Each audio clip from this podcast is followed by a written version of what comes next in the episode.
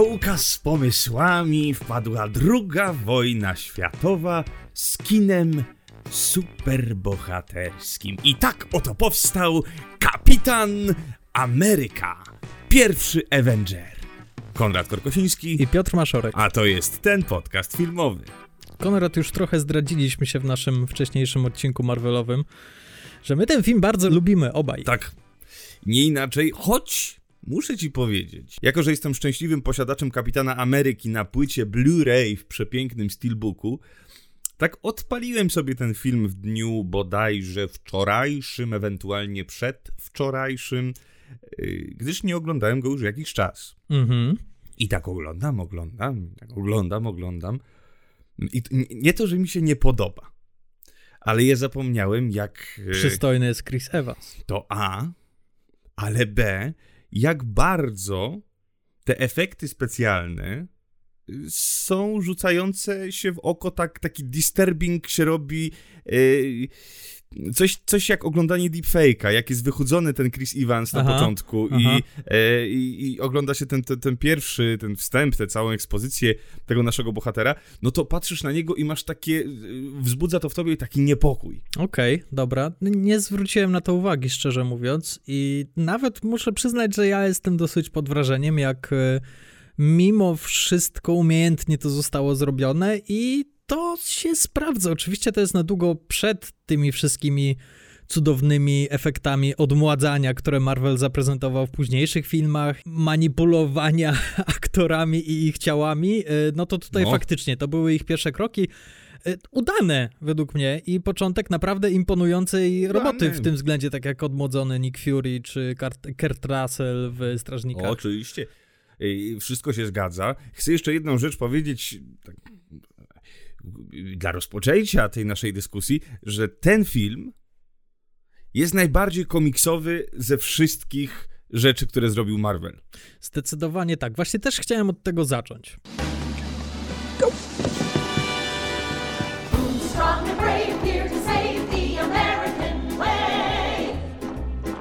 Not all of us can storm a beach or drive a tank, but there's still a way all of us can fight. Who vows to fight like the man for what's right? Series E defense bonds. Each one you buy is a bullet in the barrel of your best guy's gun. Who will campaign door to door for America? Carry the flag shore to shore for America. From Hoboken to Spokane. The Star-Spangled Man with a flag. Ponieważ tak, na chwilę obecną w uniwersum kinowym Marvela, na chwilę obecną, czyli na rok 2011, kiedy Kapitan Ameryka zawitał do kin, mieliśmy trzech superherosów w filmowej stajni Marvela, czyli Ironmana, Hulka oraz Thora. Jak spojrzysz na tą trójkę, no to tak, każdy z nich tak dosyć nieszablonowo podchodzi do tego, jak przedstawić superbohatera w filmie. Iron Man praktycznie nabija się z całej idei superbohatera, rzuca dowcipami, jest ironiczny, sarkastyczny i tak dalej. Hulk jest, nie chce swojej mocy, jest dla niego przekleństwem, bla bla bla. Natomiast Thor jest, czy też Thor jest Jest namaszczony na bohatera. je, jest, jest też dziwny, jest troszkę taki ten, ten Szekspir i ta, ta, ta jego taka szlachetność, która jest też troszkę zakrawała taką parodię. To nie jest takie klasyczne przedstawianie superbohatera. I jak się postawi Kapitana Amerykę obok nich, było takie niebezpieczeństwo, że on wypadnie kiczowato, po prostu, tak bardzo sztampowo, ponieważ Kapitan Ameryka to jest taki Superman z Marvela. Jest szlachetny do szpiku kości, jest patriotyczny, jest patetyczny, jest, jest dobry do bólu. No i jest nawet lepszy od Supermana, bo jest Amerykaninem, jest z Brooklynu, a nie z planety Krypton. Czyli Tak. tej galerii tych takich niegrzecznych chłopców, yy, czyli Tony Stark, Edward Banner, znowu Edward Banner, no. Norton! E, Bruce Banner oraz oczywiście Thor. Jak się zestawi obok nich e, Steve'a Rogersa, no to on faktycznie wyjdzie jak taki harcerzyk. Wydaje mi się, że oni znaleźli świetny sposób na to, żeby go wprowadzić do tego świata. Oni nakręcili faktycznie film w stylu lat 90. Jak oglądałem Kapitana Amerykę, to to mi się bardzo skojarzyło z takimi filmami jak e, The Rocketeer, świetny polski tytuł Człowiek Rakieta, albo Phantom, albo właśnie takie takie filmy su- o superbohaterach, które ja oglądałem w dzieciństwie na VHS-ach z wypożyczalni. One bardzo często były dystrybuowane przez Buena Vista. Y, takie troszkę straight to video filmy, które raczej nie wbiły się do takiego kanonu wielkich ki- kinowych hitów o superbohaterach. To nie był Batman, to nie był Superman. Były raczej takie, wiesz, takie taśmowce. I zresztą jeden z nich został wyreżyserowany przez e, Joe'a Johnstona, czyli reżysera Kapitana Ameryki. Tak, no ciekawe jest to, co mówisz i jak w tym wszystkim odnajduje się Kapitan Ameryka, bo jednak Marvel stawia, już wiemy, no wiedzieliśmy na co mniej więcej stawia Marvel, nie? Że to jest to wyróżniające się poczucie humoru, pewna estetyka, która łączy te filmy, y, duże pieniądze, i nadzieja też na to, że będziemy te filmy w którymś momencie ze sobą łączyć. Nie? Jednak gdzieś tam już ta, ta linia jest, jest opracowywana, żeby te filmy w którymś momencie się połączyły, żeby powstał w końcu ten wielki film, którym mają być Avengersi już wkrótce. No i teraz pytanie, wiesz, no bo jednak Kapitan Ameryka to jest lider. Tak. E, I w jaki sposób teraz poprowadzić, właśnie, żeby go wyróżnić z tych wszystkich postaci? Mamy też tę kanwę komiksową, oczywiście, ale w jaki sposób go wyróżnić, skoro mamy śmieszka Tonego Starka, e, Bruce'a Bannera, który też jednak jest jakimś takim. e, No, nikt z nich tak naprawdę nie nadaje się na przywódcę. No, Stark, ciut, No, ciut. nie, Stark nie do końca. Stark się nadaje na to, do tego, żeby y, śmieszkować, nie? On może być przywódcą, ale na pewno nie, nie żeby zarządzać. Y, jest za bardzo emocjonalny w tym wszystkim. Nie, nie, pokazujemy go z takiej strony, że on nie jest w stanie trzymać nerwów na wodzy. Mhm. Nie jest w stanie zatrzymać się i pomyśleć, he, nie. On ma tylko w głowie ideę niszczę. Jak ktoś mnie zdenerwuje, to po prostu go rozwalę. No i nagle dostajemy film, który jest z tego poczucia humoru trochę oskurowany. Oczywiście mamy kilka takich postaci typu Stanley Tucci, Mhm. które gdzieś tam wkładają te, ten element poczucia humoru, no ale ten film też chyba tym być nie ma. On jest taki w starym stylu, kiedy podziwiamy tego superbohatera, który zawsze będzie szlachetny, który nie będzie zabarwiony żadną ironią, ani żadnym sarkazmem, ani nie będzie jakimś metakomentarzem, chociaż odrobinkę tego się w tym filmie pojawia, o czym sobie za chwilę porozmawiamy. Ale no tak, no tak krystalicznie czystego superbohatera już bardziej się nie da. I szczerze mówiąc, dla mnie ten film, Kapitan Ameryka, pierwszy Avenger, to jest ostatni taki film o superbohaterze, jaki kiedykolwiek powstał. Po prostu wszyscy poszli w Marvela, już wszyscy poszli w to, że tych superbohaterów trzeba łamać, albo łamać ich poczuciem humoru, albo jakimś takim puszczaniem oka do widza, albo być może mrokiem, tak jak to robi DC. E, Kapitan Ameryka to faktycznie jest... Y, bardziej film w stylu pierwszego Supermana. Pokazuje romantyczność tej postaci i jej szlachetności. Szczerze mówiąc, to było dosyć karkołomne zadanie, ponieważ gdyby to nie wypaliło, no to ten film bardzo by się wybijał w całej filmografii Ma- Marvela. Ta postać by po prostu zupełnie nie działała w tym uniwersum. Ale to działa. I to działa cholernie dobrze według mnie. Działa. Duża w tym zasługa e, reżysera, ale chyba największa głównego aktora. No i właśnie, Chris Evans, który, no tak, jakbyśmy się cofnęli do, do tych czasów castingowych, no to y, pierwsze, o czym sobie pomyślimy, no to Chris Evans już miał okazję y, zagrać w filmie Marvela. Więc nie było to takie oczywiste, żeby Chris Evans ponownie zagrał innego bohatera z tej stajni. E, Chris Evans, który zagrał e, człowieka pochodnie, czy tam, jak on tam się nazywał, jednego z superbohaterów w Fantastycznej Czwórce, w dwóch częściach Fantastycznej Czwórki, które pojawiły się na początku lat 2000 w kinach. No z tą rolą przede wszystkim był kojarzony, także był kojarzony z jakimiś tam komediami dla, dla nastolatków. Fani Marvela tak troszkę eh, nie do końca byli po stronie tego pomysłu. I co więcej, Chris Evans nie chciał w ogóle tej roli.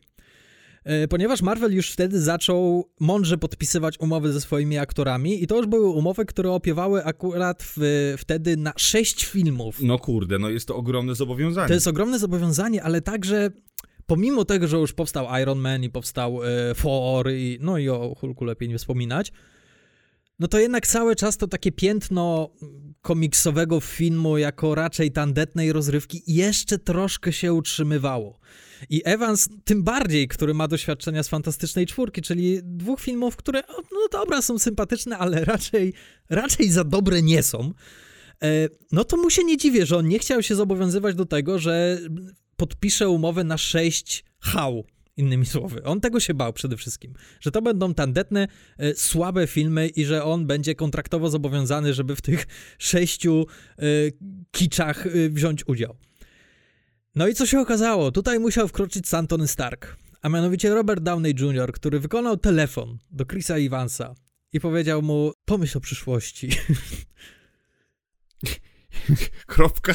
To była krótka rozmowa. Nie wiem, co mu powiedział dokładnie, ale powiedział wystarczająco dużo i wystarczająco Tak, mądrze, że przekonał Iwansa do tego, aby się zgodził. Jasne, jasne. Tak, absolutnie dla, wa- dla waszej świadomości powie- powiem wam za chwilkę, jakie inne osoby były typowane do tej roli, gdyby Chris Evans nie wyraził swojej chęci do zagrania. To był na przykład John Krasiński, Channing Tatum, Chase Crawford, Ryan Phillip Także Sebastian Stan, który ostatecznie wylądował w roli, w roli Bakiego. i rozmawialiśmy już o tym.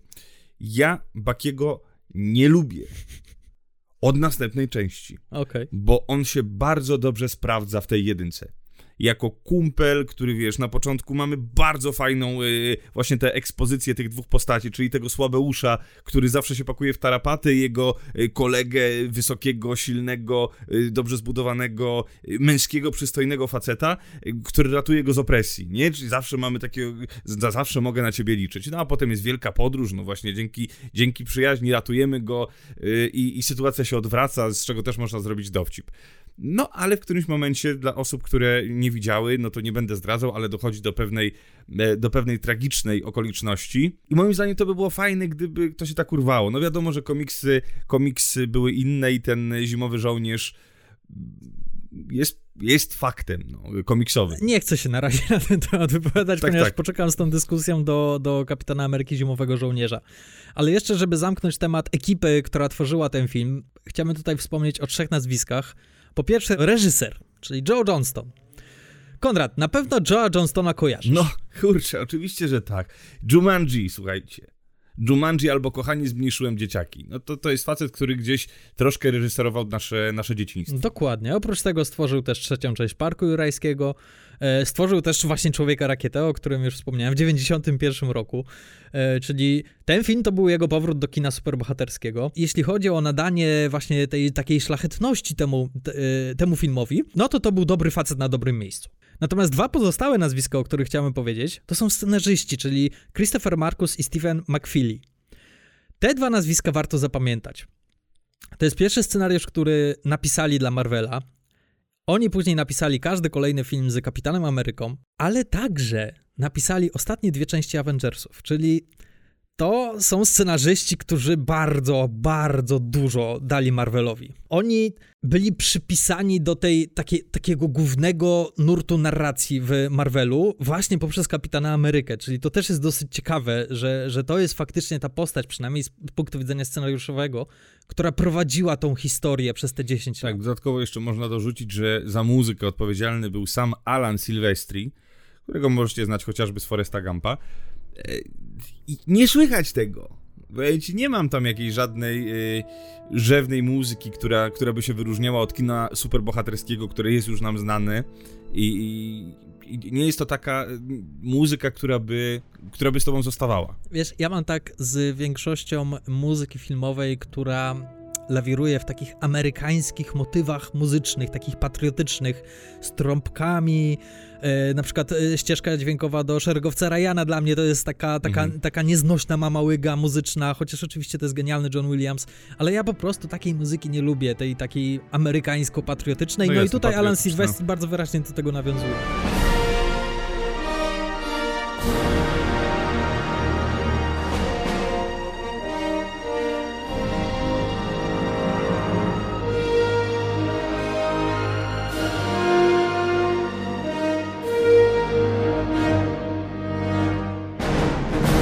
Co ciekawe, y, przy scenariuszu majstrował także Joss Whedon, który już wtedy został obsadzony jako reżyser największego do tej pory projektu Marvela, czyli Avengersów.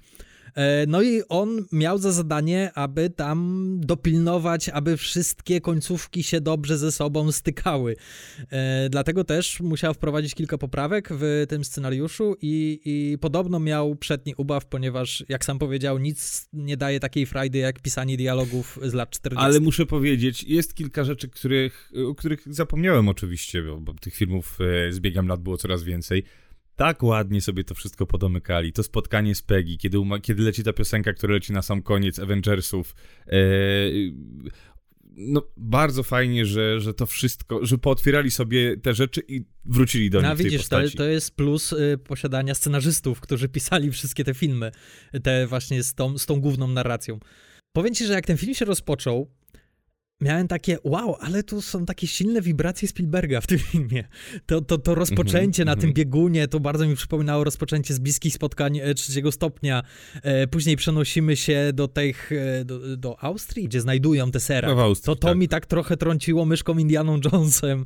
E, Tak, Mhm. tak, takie kino nowej przygody, takie klasyczne kino nowej przygody i to mi się bardzo, bardzo podobało. No i później oczywiście zostaje nam przedstawiona postać Steve'a Rogersa. No, co powiem, no, klasyczna opowieść od zera do bohatera. Mamy małego Herkulesa, y, który siłą nie swoich mięśni, ale siłą serca zostaje zauważony, wybrany z tłumu śmiałków i dzięki swojej odwadze i poświęceniu y, ma szansę wziąć udział w projekcie, tajnym projekcie nadzorowanym przez niemieckiego profesora granego przez samego Stanleya Tucciego, nie pamiętam teraz jak się nazywał, ale widzisz, to jest też jedna rzecz, o której chcę wspomnieć, nie wiem czy do aktorów już przechodzimy, czy jeszcze nie. E, nie jedyna rzecz, która mi się tak naprawdę w, tym filmie nie podobała, to fantastyczny Stanley Tucci, Mhm. to trzeba oddać, ale zrobił się tak brzydki ten niemiecki akcent, że ciężko się go słuchało. Wiesz co, e, ja to bardziej zrzuciłem na barki tego, że, e, na, na barki konwencji tego filmu, że to, to miał być troszkę taki wink-wink niemiecki akcent, taki z amerykańskiej telewizji starego serialu, że e, to nie miało być realistyczne. I, I zresztą Stanley Tucci w całej tej roli jest, jest właśnie taki, jest taki dowcipny, z dystansem, ale z wielkim sercem do tego podchodzi i, i, i to, to na mnie robi duże wrażenie. Tak, on ma taką umiejętność, że jak potrafi grać postaci, tak jak, jak powiedziałeś, z wielkim sercem i to widać, że bije od niego takie ciepło, czyste ciepło. Tak. E, Podobnie jak w postaci e, Jensena w pierwszym Iron Manie, to jest właśnie taka postać dla Kapitana Ameryki, czyli y, sprawdziłem właśnie dr Abraham Erskine. Tak, tak. Bardzo fajna rola i troszkę żałuję, że mieli tylko dwie sceny. E, On i, i, i Chris Evans. Ta ich rozmowa przy sznapsie tak. Mhm. była przeurocza. Steve Rogers. E, Ostatnio Łukasz Przywara, czyli e, mój serdeczny przyjaciel, który zresztą prowadzi bardzo fajną audycję w Radiu Żak, która ostatnio zamieniła się nawet w podcast, czyli Ryneczki kontra Markety, poprosił mnie o taką, zresztą ciebie również, ale nie mogłeś, poprosił mnie o wypowiedź, której, e, kto jest moim ulubionym superbohaterem ze stajni Marvela i podałem właśnie Steve'a Rogersa. To Steve Rogers już jest superbohaterem. To, co ty powiedziałeś, że jego supermocą jest jego szlachetne serce, tak? Jest jego dobro. To jest po prostu dobry człowiek, który nie znosi krzywdy innych, który nie znosi tych, którzy dręczą słabszych.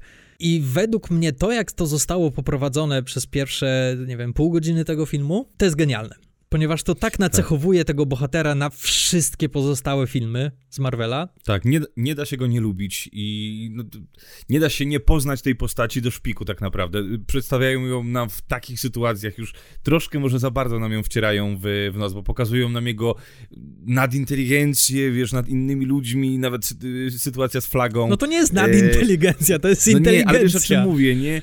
No właśnie nie do końca. Tu pokazują nam, że to jest facet, który jest w stanie wyjść z każdej opresji. Yy, wiesz, nie, po prostu ma, mamy faceta, który, yy, który się wyróżnia. O, może tak. Ja muszę powiedzieć, że jestem pod wielkim wrażeniem Evansa i jego roli, e, ponieważ sprzedać taką postać, która na papierze wydaje się być koszmarnie nudna, ponieważ on cały czas jest tak szlachetnie dobry, nie ma żadnych wad. Bidok nawet nie, nie jest w stanie się ubić później, jak już dostanie do serum.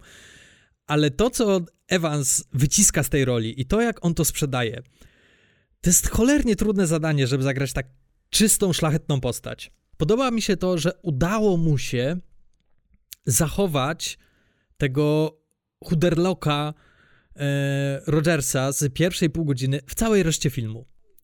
Mhm. Że on cały czas tam jest. Ja byłem pod tak wielkim wrażeniem, że cały czas widzę w jego oczach tego, tego malutkiego chłopaczka i tego troszkę niezdarę, który nie wie za bardzo, jak Zgadzam się zachować i nie się, wie. tak.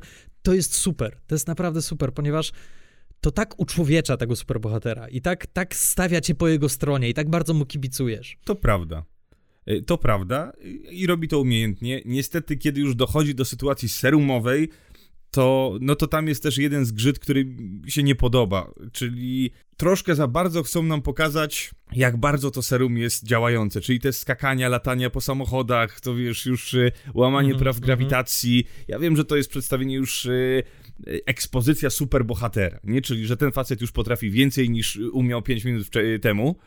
Y, Ale fajne, fajne zabiegi z tym wpadnięciem do sklepu, y, wybicie Mhm. szyby, to fajne, ale potem jakieś takie, wiesz, skoki na 20 metrów, y, już taki nad, nad człowiek się z niego robi, że mogłoby tego nie być, to by y, nic się nie stało, film by nie stracił, nic by nie stracił, wręcz by zyskał na tej wiarygodności, bo jemu jest mimo wszystko bliżej do kogoś, kto tych supermocy nie posiada, bo tak naprawdę nie są jakieś wybitne supermoce, to jest tylko podkręcenie, y, podkręcenie jego, jego fizis, nie? I jego siły mięśni, ale on nie ma mięśni nagle z, ze stali.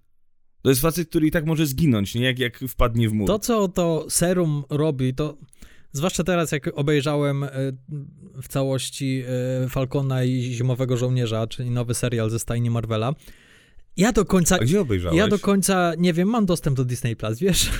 E. Ja do końca nie wiem, jak to serum działa i co ono tak naprawdę wzmacnia i czy ono przedłuża życie, no bo Kapitan Ameryka dosyć długo żył. Już abstrahując od tego, że był zamrożony przez, przez 70 lat, to, to, to i Tak, tak, i tak.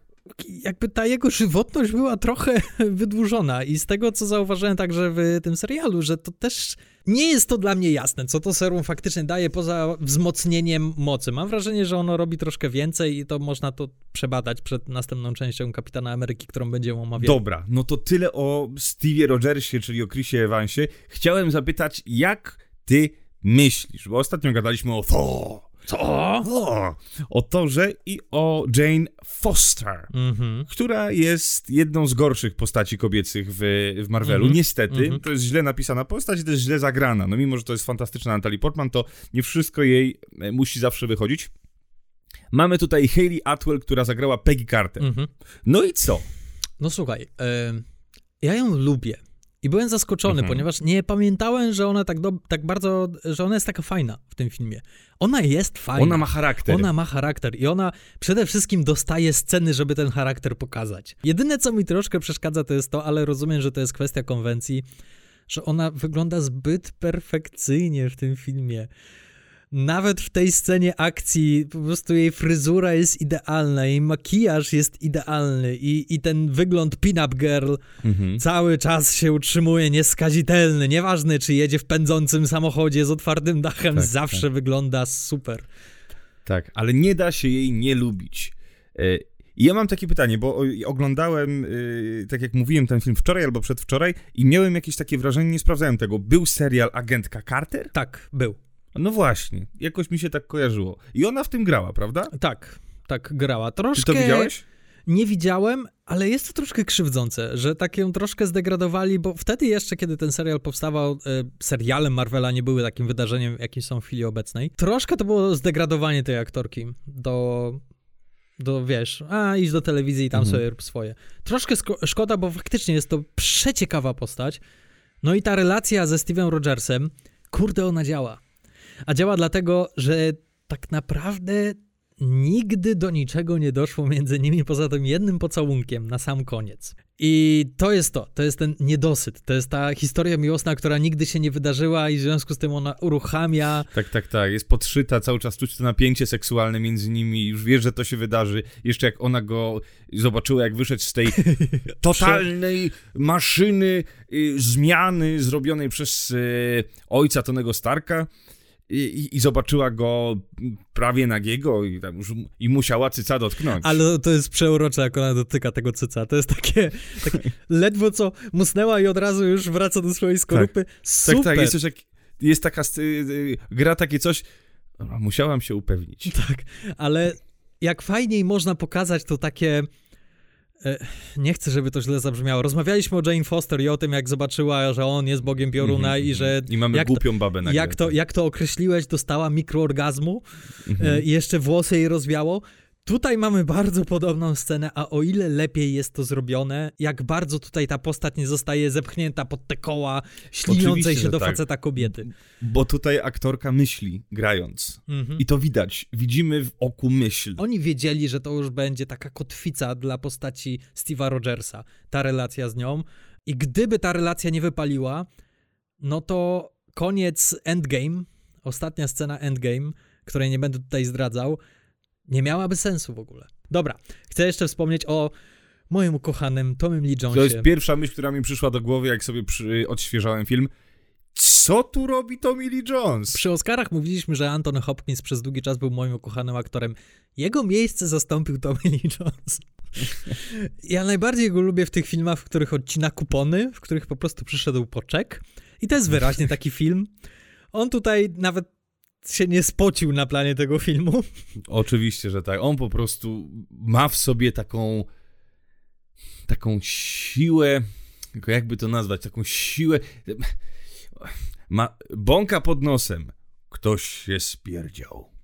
Całą rolę gra z bąkiem pod nosem. Cały czas coś mu śmierdzi pod tym nosem i to jest jego jego pomysł na granie, ale to się sprawdza. To jest postać, przy której boisz się głośniej wziąć oddech, bo boisz się, że cię opierdzieli. Tylko pytanie, czy mu się będzie chciało, nie? No bo już ma utartą swoją drogę i w każdym filmie będzie grał to samo. Czy to jest Wydział Pościgowy, czy to jest właśnie, e, czy to jest właśnie e, Kapitan Ameryka.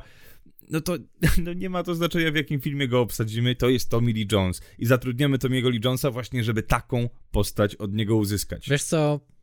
Proszę bardzo, ja mogę takiego Tomego Lee Jonesa oglądać w kółko i zawsze będzie mi się podobał i jest coś z mojego ojca w nim, może to dlatego tak bardzo mi się to, tak bardzo do mnie przemawia.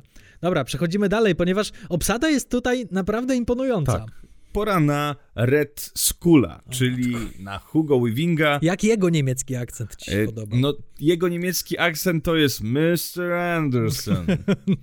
To jest aktor, który korzysta z samogłoski. Ja powiem tak, ja, Hugo Weaving jest świetny w rolach złoczyńców, on po prostu zżera ekran, jak jest złoczyńcą i, i on zawsze pozostanie Hugo Weavingiem. Jednak zrobili tutaj mu wielką, wielką krzywdę tą koszmarną charakteryzacją, która wygląda bardzo jak z lat 90. Tak, tak. E, chcę jedną rzecz powiedzieć, bo to jest fantastycznie zagrana postać. Hu- Hugo Weaving jest aktorem do grania antagonistów świetnym i moim zdaniem największą krzywdą, jaką można by było zrobić, to wysłanie go na tę planetę do pilnowania kamienia nieskończoności któregoś tam, żeby zagrał trzy minuty e, jako strażnik kamienia. Szkoda, to jest postać z taką ogromną e, możliwością, wiesz, e, posunięcia czegoś dalej. Szkoda, że go nie wrócili. To był jeden z moich, z moich e, wiadomo, że każdy z nas myślał, w jaki sposób y, zakończą ten endgame, każdy wymyślał różne scenariusze, no i u mnie akurat Hugo Weaving odgrywał naprawdę dużą rolę w tym powrocie. Eee, No ale nie stało się tak. No, ja jakoś go nie widziałem dalej w tej franczyzie, ponieważ to jest taka postać, która bardzo, bardzo dobrze się sprawdza w tych latach 40., w tej takiej sweetaśnej, romantycznej konwencji filmu o superbohaterze, troszkę takiej kiczowatej. E, To jest nazista, czyli idealny złoczyńca, który chce zawładnąć światem. On by się troszkę nie sprawdził w tych już później kosmicznych e, perturbacjach i tych konfliktach i w tych, że tyle, prawda, połowę wszechświata chcemy usunąć. Jakoś on by się wydał taki mały w tym wszystkim i troszkę taki sztampowy. Dlatego wydaje mi się, że i tak i tak cud, że znaleźli dla niego miejsce jeszcze, żeby się pojawił. Oczywiście to nie był już Hugo Weaving, to był inny aktor, zresztą bardzo zdolny naśladowca. Tak? To nie grał Hugo Weaving? Nie, nie, nie, to był... Czy oglądałeś The Walking Dead? Tam był jeden aktor, który grał postać e, homoseksualisty. E, I Mhm. on zresztą jest właśnie znany z tego, że robi świetne naśladowanie innych aktorów. I jego Aha, zatrudnili no specjalnie widzisz. po to, aby naśladował Hugo, Hugo Weavinga. Czyli To ciekawe. taka ciekawostka. z końca naszego cyklu Marvelowskiego. Chciałem to zatrzymać do odcinka z... e, Kurde, może wszyscy zapomną, wiesz, zanim, zanim nagramy Zanim- Endgame, zanim dojdziemy do tego, 2027. Dokładnie. E, mamy jeszcze Tobiego Jonesa, czyli, czyli Pomagiera, e, Red Skula. Toby Jones to jest... W ilu filmach on się pojawił i, i w każdym z tych filmów on to on robi swoją robotę. On ciężko tak. pracuje. Tak, On chyba nigdy nie zgarnął jakiegoś takiego większego czeku. E, Na pewno zgarnął mniej kasy niż Hugo Weaving, czy nawet Tommy Lee Jones za ten film, a mimo wszystko po prostu wielki szacunek mam do tego malutkiego aktora. No to jest facet, którego zatrudniasz po to, żeby, żeby zagrał charakterystyczną postać. No on nigdy nie zagra, nie zagra... Nigdy nie zagra Amanta, no nie oszukujmy się. No. Ale tutaj ciekawostka, nie wiem czy wiesz, ale chyba w tym samym roku albo rok po Capotim e, wyszedł inny film o Trumanie Capotim, w którym on właśnie zagrał główną rolę. O, I zresztą jest to bardzo dobra rola i troszkę szkoda, że to było tak blisko Filipa Seymoura Hoffmana, ponieważ jakby Mhm. już wszyscy stracili zainteresowanie Capotim wtedy i wszyscy e, pewnie patrzyli na to jako naśladownictwo. Nieważne, to troszkę zboczyłem z kursu. Dobra, pogadajmy chwilkę o tych efektach specjalnych. efekty specjalne. Tak jest. Dosyć skomplikowane procesy zaszły, żeby odchudzić tego Steve'a Rogersa. E, oczywiście odchudzali go komputerowo, e, zmieniali twarz, za, zatrudnili dublera, który był chudy, ale jak się później okazało, ten dubler nie był wystarczająco chudy i tego, chudy, tego chudzielca także musieli w postprodukcji odchudzać za pomocą komputera. E, no i tak jak powiedziałeś na początku, troszkę ci to tam trąci mychą i troszkę jest taki Tak. deepfake'owy... Nie, nie, nie trąci mychą, nie trąci mychą, tylko trąci y, takim y, nie najlepszym deepfake'iem. Czyli, że robi ci ten y, disturbing, y, to, to się jakoś nazywa y, przy tym deepfake'u, że patrzysz i, i czujesz się jakiś pewien, pewnego rodzaju niepokój, że coś się nie zgadza, nie zgadza, że twój mózg to przetwarza i al- alarmuje cię, że uważaj, ucie- uciekaj. Ja chyba wiem o co chodzi, ponieważ w większości z tych ujęć oni wzięli twarz e, Chrisa Evansa, który oczywiście nie jest aż tak e, metodycznym aktorem jak e, Tom Hanks czy jak e, Christian Bale i postanowił, że najpierw zagra kapitana Amerykę przypakowanego i później w ciągu jednego miesiąca schudnie do, do, do Steve'a Rogersa. E, nie, on cały czas był napakowany, nakręcono tak wszystkie sceny z jego udziałem. I w, w tych scenach, w których Steve Rogers miał być chudy, oni później nakręcili tak zwany pusty przebieg, czyli powtórzyli dokładnie tą samą scenę, tylko że bez Steve'a Rogersa. Później nakręcili jeszcze jeden przebieg z dublerem, właśnie chudszym, niższym, mniejszym.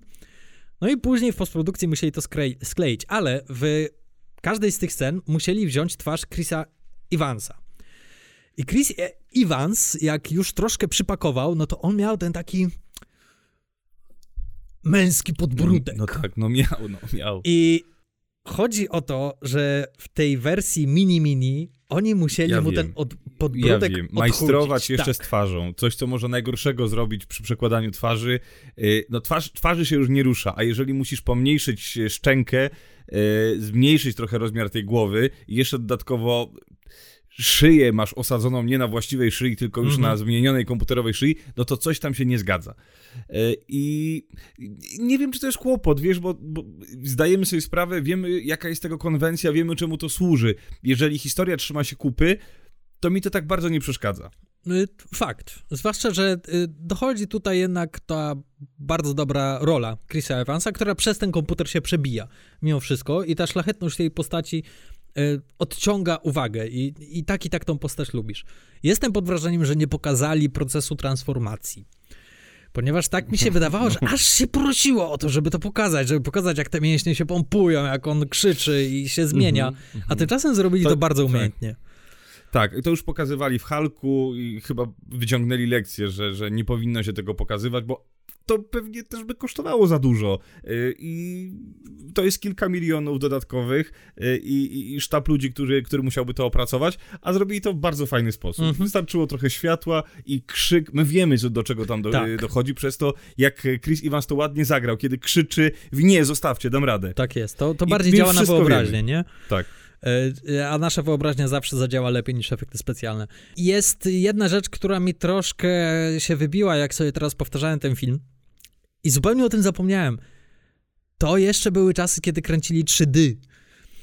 I jest sporo scen w tym filmie, w którym to koszmarne 3D widać. W których e, Kapitan Ameryka rzuca ci prosto w twarz tą tarczą, żeby ci wyskoczyła z tego ekranu. Ej, jak, jak ja się cieszę, że kino już wyrosło tak szybko z tego i że nie musimy takich rzeczy oglądać. Ponieważ to jest tak brzydkie i to tak bardzo się rzuca w oczy i, i, i, to... Nie, nie, nie, paskustwo. Walki.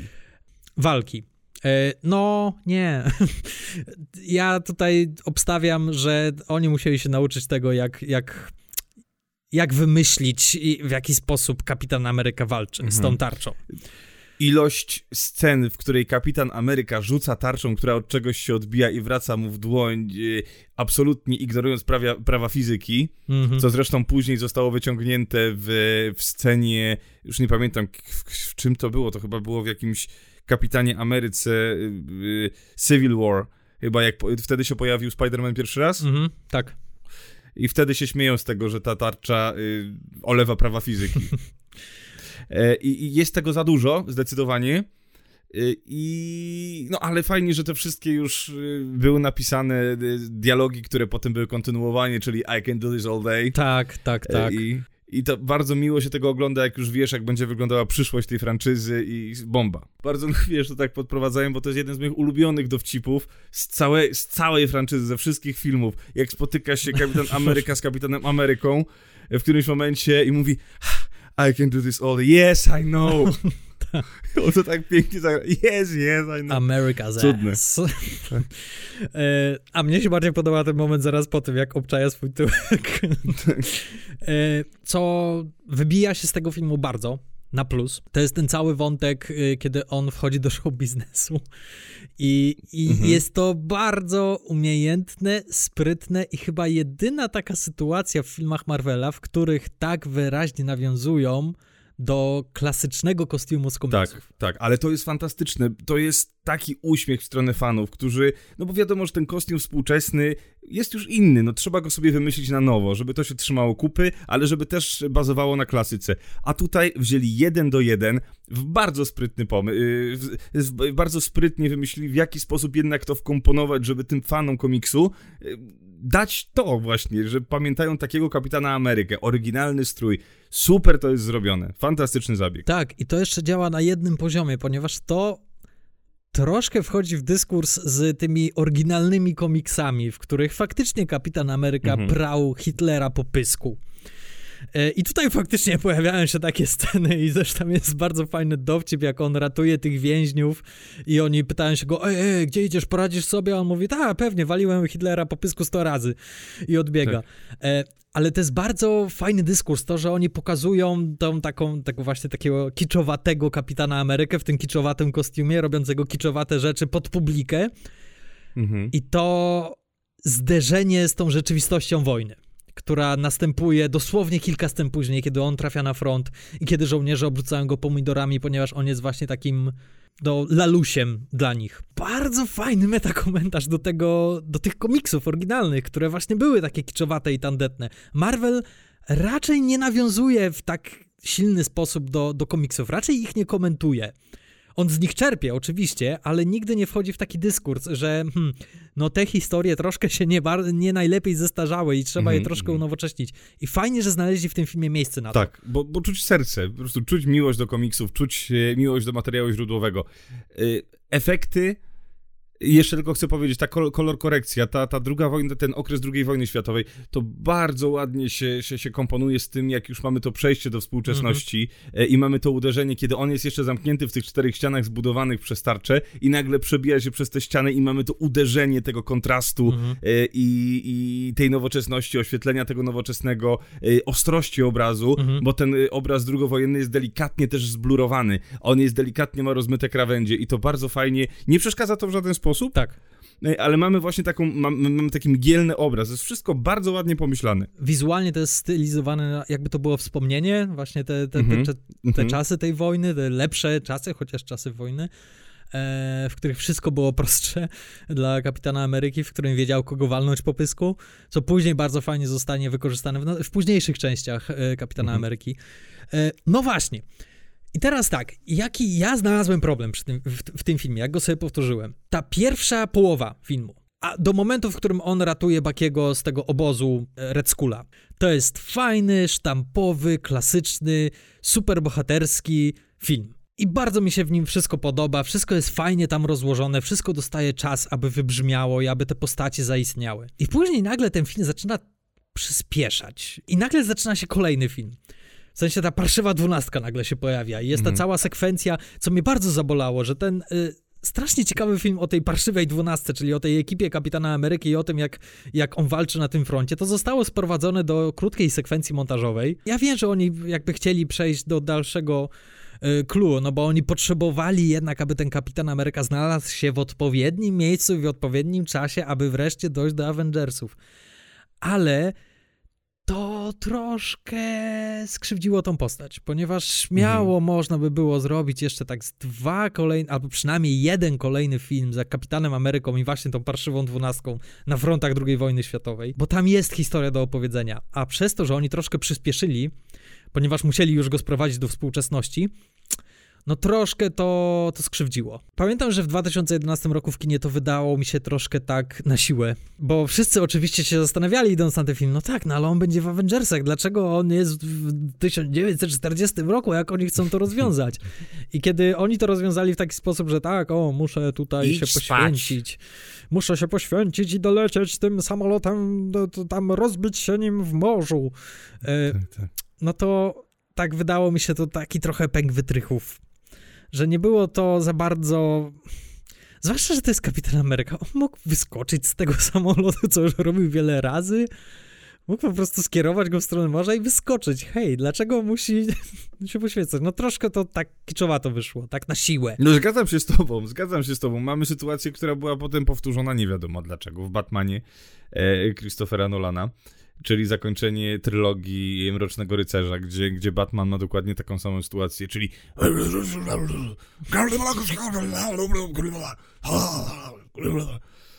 Piękna scena. No, a potem, tak, no, tak, Pirazy Oko zagrałem.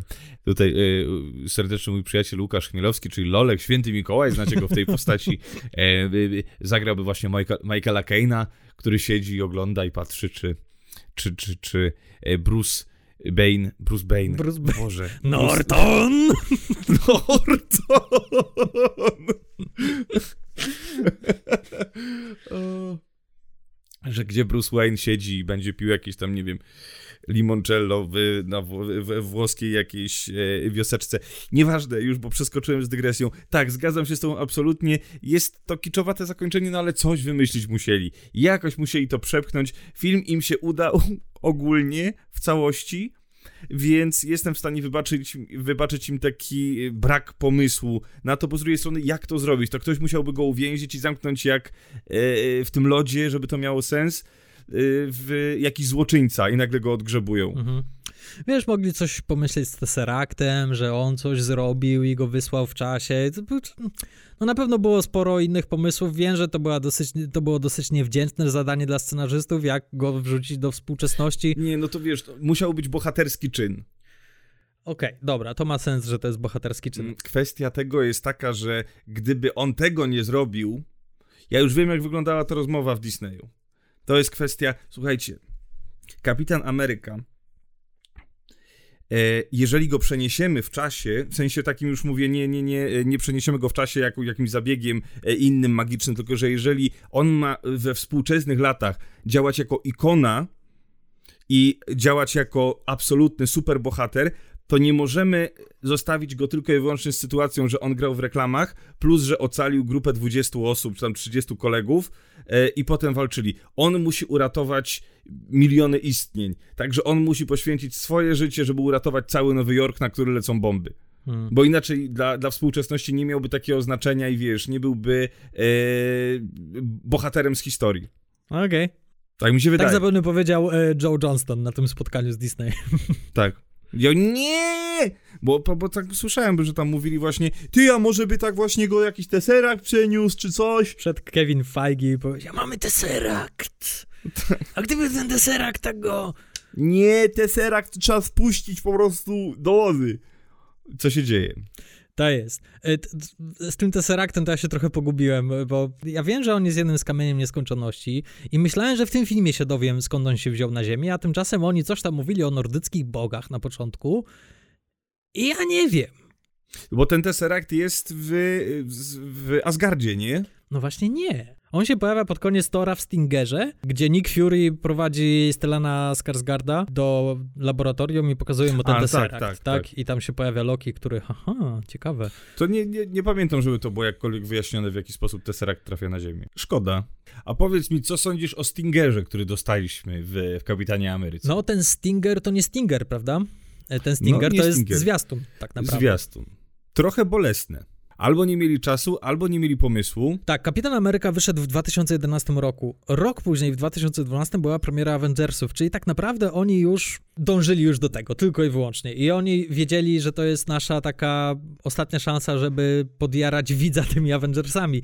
Do tej pory oczywiście w tych Stingerach oni rozrzucali te, te, te, te zapowiedzi do Avengersów, no ale teraz mogli wreszcie pokazać, spójrzcie, udało nam się, to się wydarzy, to się naprawdę zadzieje, ci wszyscy bohaterowie spotkają się w jednym No filmie. i na szczęście już do tego nie wrócili później, więc też e, podejrzewam, że nie byli zadowoleni z tej decyzji ostatecznie Słuchaj, po, po latach. Ja na ich miejscu też byłbym dumny i też chciałbym to pokazać, szczerze mówiąc, ponieważ Zwiastun pokazujesz na Super Bowl, nie, a nie, na, nie, nie, nie, nie w scenie po napisach. Dobra, słuchajcie, to tyle na dzisiaj. dobra, już spokojnie, nie krzycz. Ej, ej, kończymy. Dobra, y, Kapitan Ameryka, pierwszy Avenger i taka perełeczka marvelowska według mnie. Y, już nigdy Tak, później absolutnie. Marvel nie zrobił tak uroczego i kochanego filmu o superbohaterze, jak właśnie tego. I zresztą Kapitan Ameryka to jest taka postać, która najbardziej się zmienia. Jego filmy najbardziej się zmieniają w całej s- sadze Marvela. Kapitan Ameryka za każdym razem proponował coś ciekawego. Ja bardzo lubię tą pierwszą część. Ja również lubię bardzo pierwszą część, z drugą już jest troszkę gorzej, ale wrócimy do tego, jak przyjdzie na to czas, a tymczasem, no, do usłyszenia. Do usłyszenia. Dziękujemy wam bardzo. Dziękujemy, trzymajcie się, cześć.